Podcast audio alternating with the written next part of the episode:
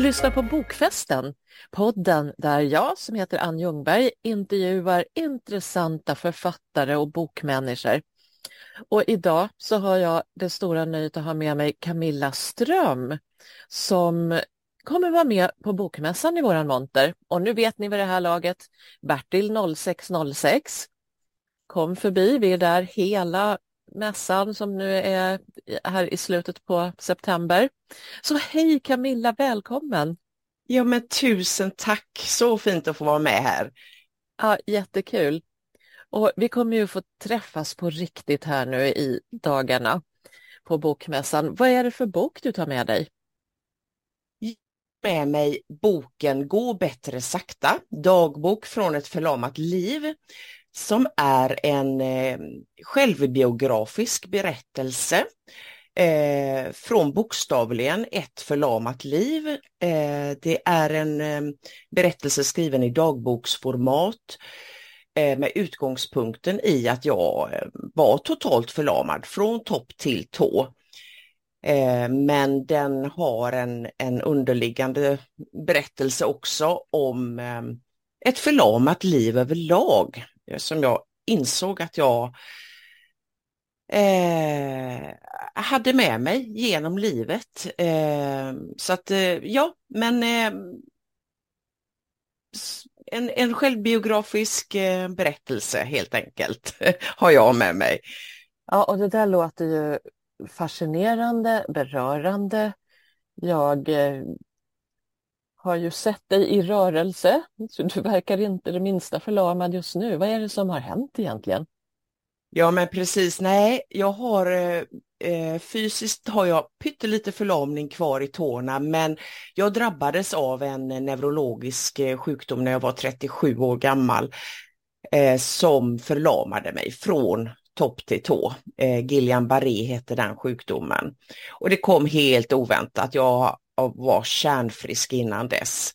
Eh, och eh, blev kvar liksom på sjukhuset som patient i ett års tid.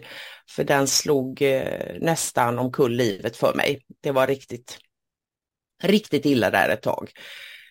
Så ehm, jag låg, jag låg sju månader på intensiven varav ett halvår i respirator. Och du milde himmel, vad läskigt. Ja, Ja, verkligen. Ibland när jag pratar om det, jag är ute och föreläser mycket och sådär, och när jag går av scenen ibland så tänker jag, nej men är det verkligen mig jag pratar om? Eh, det är ja, verkligen en speciell historia, det får jag säga. Eh, men som sagt, jag eh, hade både änglavakt och eh, fantastisk eh, personal. Jag brukar säga att jag överlevde tack vare det goda bemötandet. Självklart med hjälp av eh, respirator och mediciner och allt det där. Men personalens bemötande, jag hade liksom inte orkat utan dem och självklart inte utan mina anhöriga heller. Men eh, så det, ja, ja det, så är det. Jag, jag, jag fick eh, ett nytt liv tack vare eh, människan eh, i vården kan jag säga. Ja men fantastiskt. Och när kunde du börja skriva den här boken? Jag började skriva den ganska omgående. Jag kan säga att jag skrivit på boken i 14 år. Jag började föreläsa ganska tidigt, redan när jag var på väg tillbaka och satt i rullstol och så, så fick jag förfrågan om att berätta den här historien. Och ganska omgående kom det ju frågor då, har du skrivit ner den här historien, har du skrivit ner din bok? Och då började jag, jag tänkte att ja det kan ju vara bra och inte minst kände jag så att jag vill skriva ner det här innan jag glömmer det för mina barn och för mig själv liksom. Vad, vad är det jag varit med om? Och såg det jättemycket som en, en bearbetning på, ehm, på alltihopa. Och sen hette det varje gång någon frågade att när kommer boken? Ja men den kommer nästa år. För jag skrev lite varje år och kände liksom nu, nu ska den bli färdig. Men det tog 14 år och jag förstod när jag skrev slutorden i den varför det hade tagit så lång tid för historien var inte färdig. Så var det. Mm.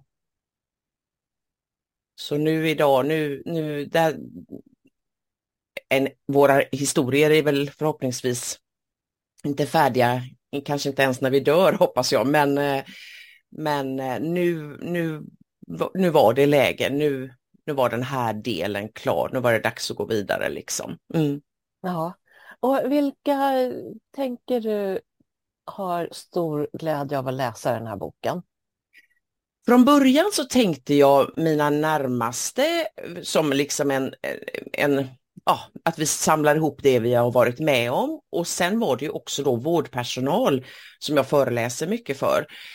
Eh, för det var de som frågade efter den. Men efterhand jag skrev så insåg jag att det här är också skrivet till den som behöver höra om den här historien som behöver ja kanske också liksom jag bär på ett kontrollbehov, på en rädsla.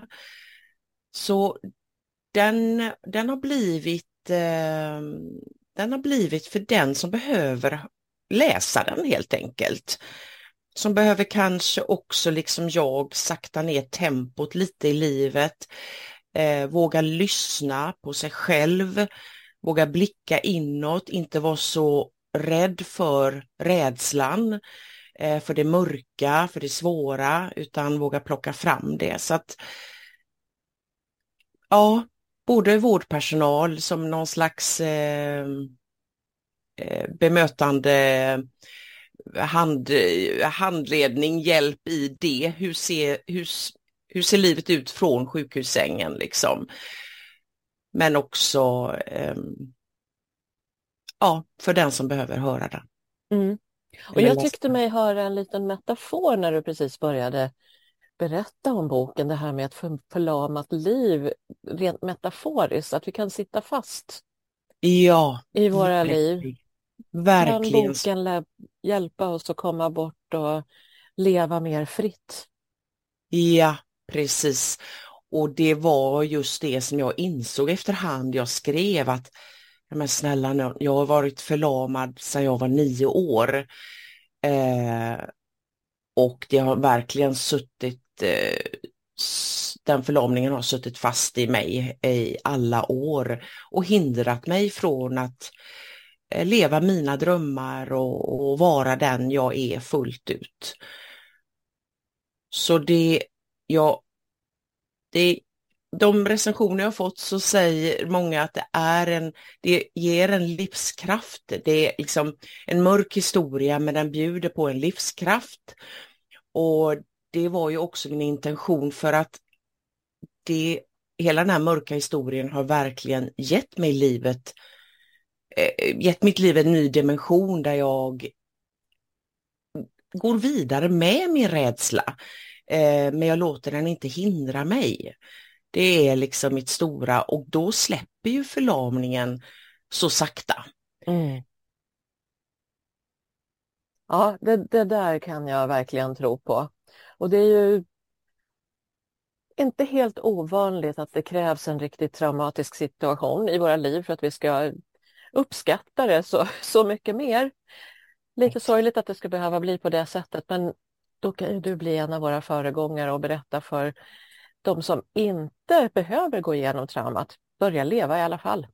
Ja, och det är, det är precis eh, det är som, precis som du säger, när man har varit med om någonting, de har ju hört andra sådär förr, liksom att oh, du har varit igenom detta och du har lärt dig detta och det blir ju så, det blir ju så med alla våra sår och eh, händelser genom livet. Det är klart att det ger erfarenhet och jag brukar säga det, jag önskar ingen att gå den långa omvägen.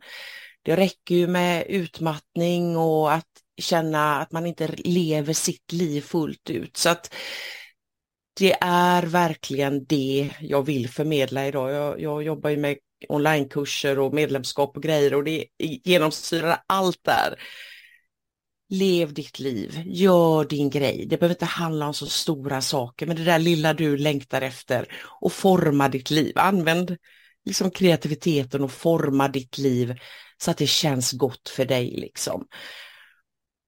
Ja, kan du använda din bok som en del av ditt kursmaterial också? Ja, nej, inte direkt så, men budskapet. Ja det, det, det kan jag säga, det, det kan jag använda för att vi bär på så mycket hinder eh, och de beskriver jag ju också i boken. Men de är ju ofta hinder som vi har satt upp själva som är ju, det går ju ofta att komma förbi de där äh, fysiska, de här liksom pengar och rädsla och allt det här. Det, alltså det, det, vi är rädda för så mycket men det går ju att ta andra vägar. Och det verktyget, att se bakom det, vad är det som hindrar dig egentligen? Det använder jag ju jättemycket i coaching och i kurser och medlemskap och så. Ja, vad kul. Vilka är dina idealkunder för de här kurserna och din coaching? Det är kreativa kvinnor som har antingen tappat sin kreativitet genom åren, precis som jag gjorde, eller känner att de sitter lite fast och, och jag vill ju mer än så här. Oavsett vad du vill skapa så är det samma mekanismer som sitter i vägen. Och där, att hitta det här förlösande, liksom, yes, tro på sig själv, tro på det du vill skapa. Gör vi bara det så, så går det att göra precis vad som helst. Ja, men vad härligt. Har du då till exempel hjälpt någon som vill skriva en bok men har fastnat på vägen? Ja, det har jag och jag håller på med, jag har en medlem nu som eh, skriver en bok. Eh, så det känns ju också fantastiskt att ha med sig det verktyget i bagaget här och kunna vägleda lite i det också. Men jag tipsar ju också om dig Ann. Jaha, du håller ju på med detta på ett, liksom, du har ju många fler verktyg i just den delen liksom. Så att eh, det finns ju eh, mycket, men, men så att, att bara våga ta steget, våga tro på sin idé och fortsätta, fortsätta framåt även eh, när, det kör, ja, när det blir vad heter det, berg, över bergen liksom. Ja, precis. Så att det är ju där många själv... Ja, förlåt, fortsätt. Mm. Nej, nej, för det är ju där man ofta ger upp det. Det känns lite bökigt och jobbigt och svårt och eller vem är jag och varför ska jag göra detta och där liksom, där sätter jag in stöten. ja, ja, men kanon. Och mm. det behövs verkligen. Jag får ju oftast eh, jobba med författarna när boken är nästan klar. Ja. Men då finns det många hinder på vägen som har överkommits redan med hjälp av sådana som dig till exempel. Ja. Och hur upplevde du själv? Nu tog du god tid på dig att skriva boken men var det några gånger när du kände att Nej, men det här blir nog ingen bok? Hur skulle du komma över det? Ja, och framför allt mot slutet när det närmade sig publicering. Jag, jag ångrade mig så mycket, jag blev så rädd och det kändes plötsligt som att alltihopa, det är så dåligt skrivet och det här är ingen historia någon vill ta del av.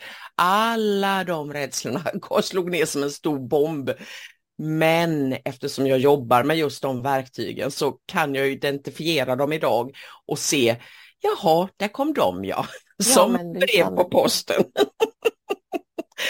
och då är det ju att ta på sig den där liksom, ja, nej, du, nu gör vi det här ändå. Du får vara hur rädd som helst Camilla, men du ska igenom detta nu. Ja, nej men grattis. Mm. Att kunna ha, ha den insikten att det, du redan sitter med de verktygen. Underbart. Ja, ja det, och det får jag tacka, det får jag tacka den här mörka historien för. Det är ju verkligen så. Så att, och kan jag förmedla den till någon annan att eh, fortsätt framåt, genomför din din dröm och dina projekt. Wow, det är det jag lever för. ja, härligt. Mm. Och nu kommer vi att se dig på Bokmässan. Du ska bland annat stå på vår lilla, lilla scen i montern. Ja. Och finnas med i montern och eh, berätta om dina böcker, sälja dina böcker, signera såklart. Ja. Vad har du mer för förväntningar på Bokmässan för din egen del? Alltså bokmässan för mig, jag är ju göteborgare och går alltid på bokmässan. Det har nästan inte ens funnits som någon slags dröm att stå där själv, för jag har kanske inte haft just författardrömmar.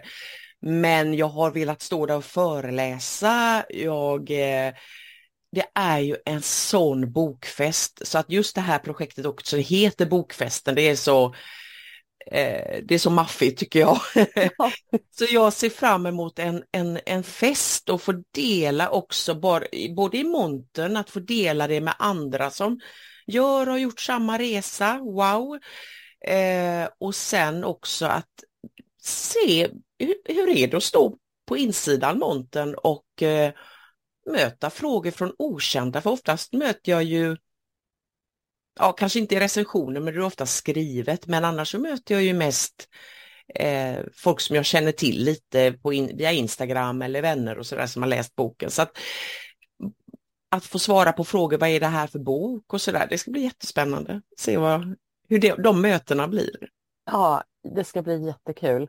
Mm. Och, ja, det, det, är några år sedan jag var där nu. Pandemin kom emellan. Ja. Och vi kunde ja. inte ha samma typ av monter förra året. Så, det är verkligen dags och vi har ju ett 20-tal eh, författare som kommer att eh, vara delvis i vår monter och delvis gå runt och prata med folk på mässan och uppleva alla montrar och seminarier och scener och ja, allt kul. Ja, wow! Verkligen roligt. Mm. Och eh, du kommer ju att eh, prata då naturligtvis om din bok. Finns det några speciella tips som du vill ge till våra lyssnare nu om just det här med att eh, ja, bli av med sin rädsla? Ja, verkligen. Eh, börja med att lyssna på dig själv. Börja med att våga eh, titta på vad det är du innerst inne vill. Och det kan ta lite tid. Och sen att formulera det tydligt för dig själv. Och också se upp med att det inte behöver vara så stora saker det handlar om. Det kan vara hur du väljer att leva i din vardag, eh, små val som skulle kännas riktigt goa för dig. Att verkligen synliggöra det. För det är ju ur det vi kan sen börja titta på liksom lösningar. Så att, att vara medveten om det, det är så lätt idag. Livet är som ett stort smörgåsbord av valmöjligheter och vi blir så påverkade idag av hur andra lever och hur vi ska leva. Så mer än någonsin så är det väl viktigare att liksom, nej men hur vill jag leva? Hur vill jag ha min morgon? Och sen, vad är det jag vill uppleva och skapa och, och sen nästa steg att, att verkligen titta på alla möjligheter. Jag brukar säga när man vill skapa någonting och göra någonting så det är ju inte slutprodukten som är det roligaste. Att skriva en bok till exempel, direkt när du sätter dig och börjar skriva så lever du ju den drömmen, om det är det du drömmer om. Då har du redan startat, då är du i den världen och det du vill vara i. Så att, eh, men att synliggöra det så att det verkligen är din dröm och det du vill göra eh, och sen bara börja. Vi, det är lätt att blicka, det vill jag också skicka med, det är så lätt att blicka längst fram och då börja jämföra sig med alla andra och, och herregud och så ser man det och, och, då måste man göra så. Nej, nej, nej, nej, nej. Släpp det där framme. Vad vill du uppleva nu? Du har det som en vision. Allt kommer lösa sig längs vägen så länge du inte ger upp då. Så det vill jag skicka med. Ja, men jättebra. Jag känner mig redan lite stark måste jag säga. Ja, oh, härligt! Och ja, för att det, vi behöver höra det. Jag behöver också påminna mig om det hela tiden i alla projekt. Att, mm, okej, okay, ett steg i taget. Mm. Ja, jag sitter just och tänker faktiskt nu på bokmässan som vi har pratat om i månader och haft möten ända bort i februari tror jag. Ja. Och plötsligt så är den här. Oh, och alla har uppgifter och genomför så att alla har liksom varit med i det här projektet som ska vara i vår monter och det finns förmodligen en liten nervositet någonstans. Jag slog mig just att ja, men den där broschyren som jag ville ha med mig, hinner jag få till den nu? Oh. Men det löser sig och bara glädjen att, att få finnas här och få oh. stå där på plats den ja. 28 september. Hoho! Wow! Det här ska bli alltså. jättekul. Ja. ja, precis, även om vi har glömt någon detalj. ja, ja. Och det kommer ju inte alla besökare att märka kanske, för det kommer Nej. att finnas så mycket kul att titta på i yes. våran monster och överallt på Bokmässan. Oh. Och en viktig grej här som alla ni som ska vara med i montern, alla ni som står på mässan, alla ni som är ute och pratar med folk, glöm inte att följa upp. Hittar vi någon som, här vill vi fortsätta hålla kontakten, här kan vi kanske göra saker tillsammans, du kanske blev intresserad av någonting som jag pratar om men vi hann inte prata om alltihopa. Följ upp, följ upp, följ upp. Det finns ett liv efter bokmässan också. Ja, precis. Exakt, jag säger detsamma. Det du, du känner och, och får en, någon slags eh, kraft ifrån, så släpp inte det. Nej. Nej, precis. Så jag hoppas att vi också får möjlighet att fortsätta göra saker tillsammans efter den här podden och efter bokmässan. Jättespännande. Ja, stort tack Camilla för att du ville vara med här. Ja, och stort tack för allt du Göran, verkligen. Tack. tack.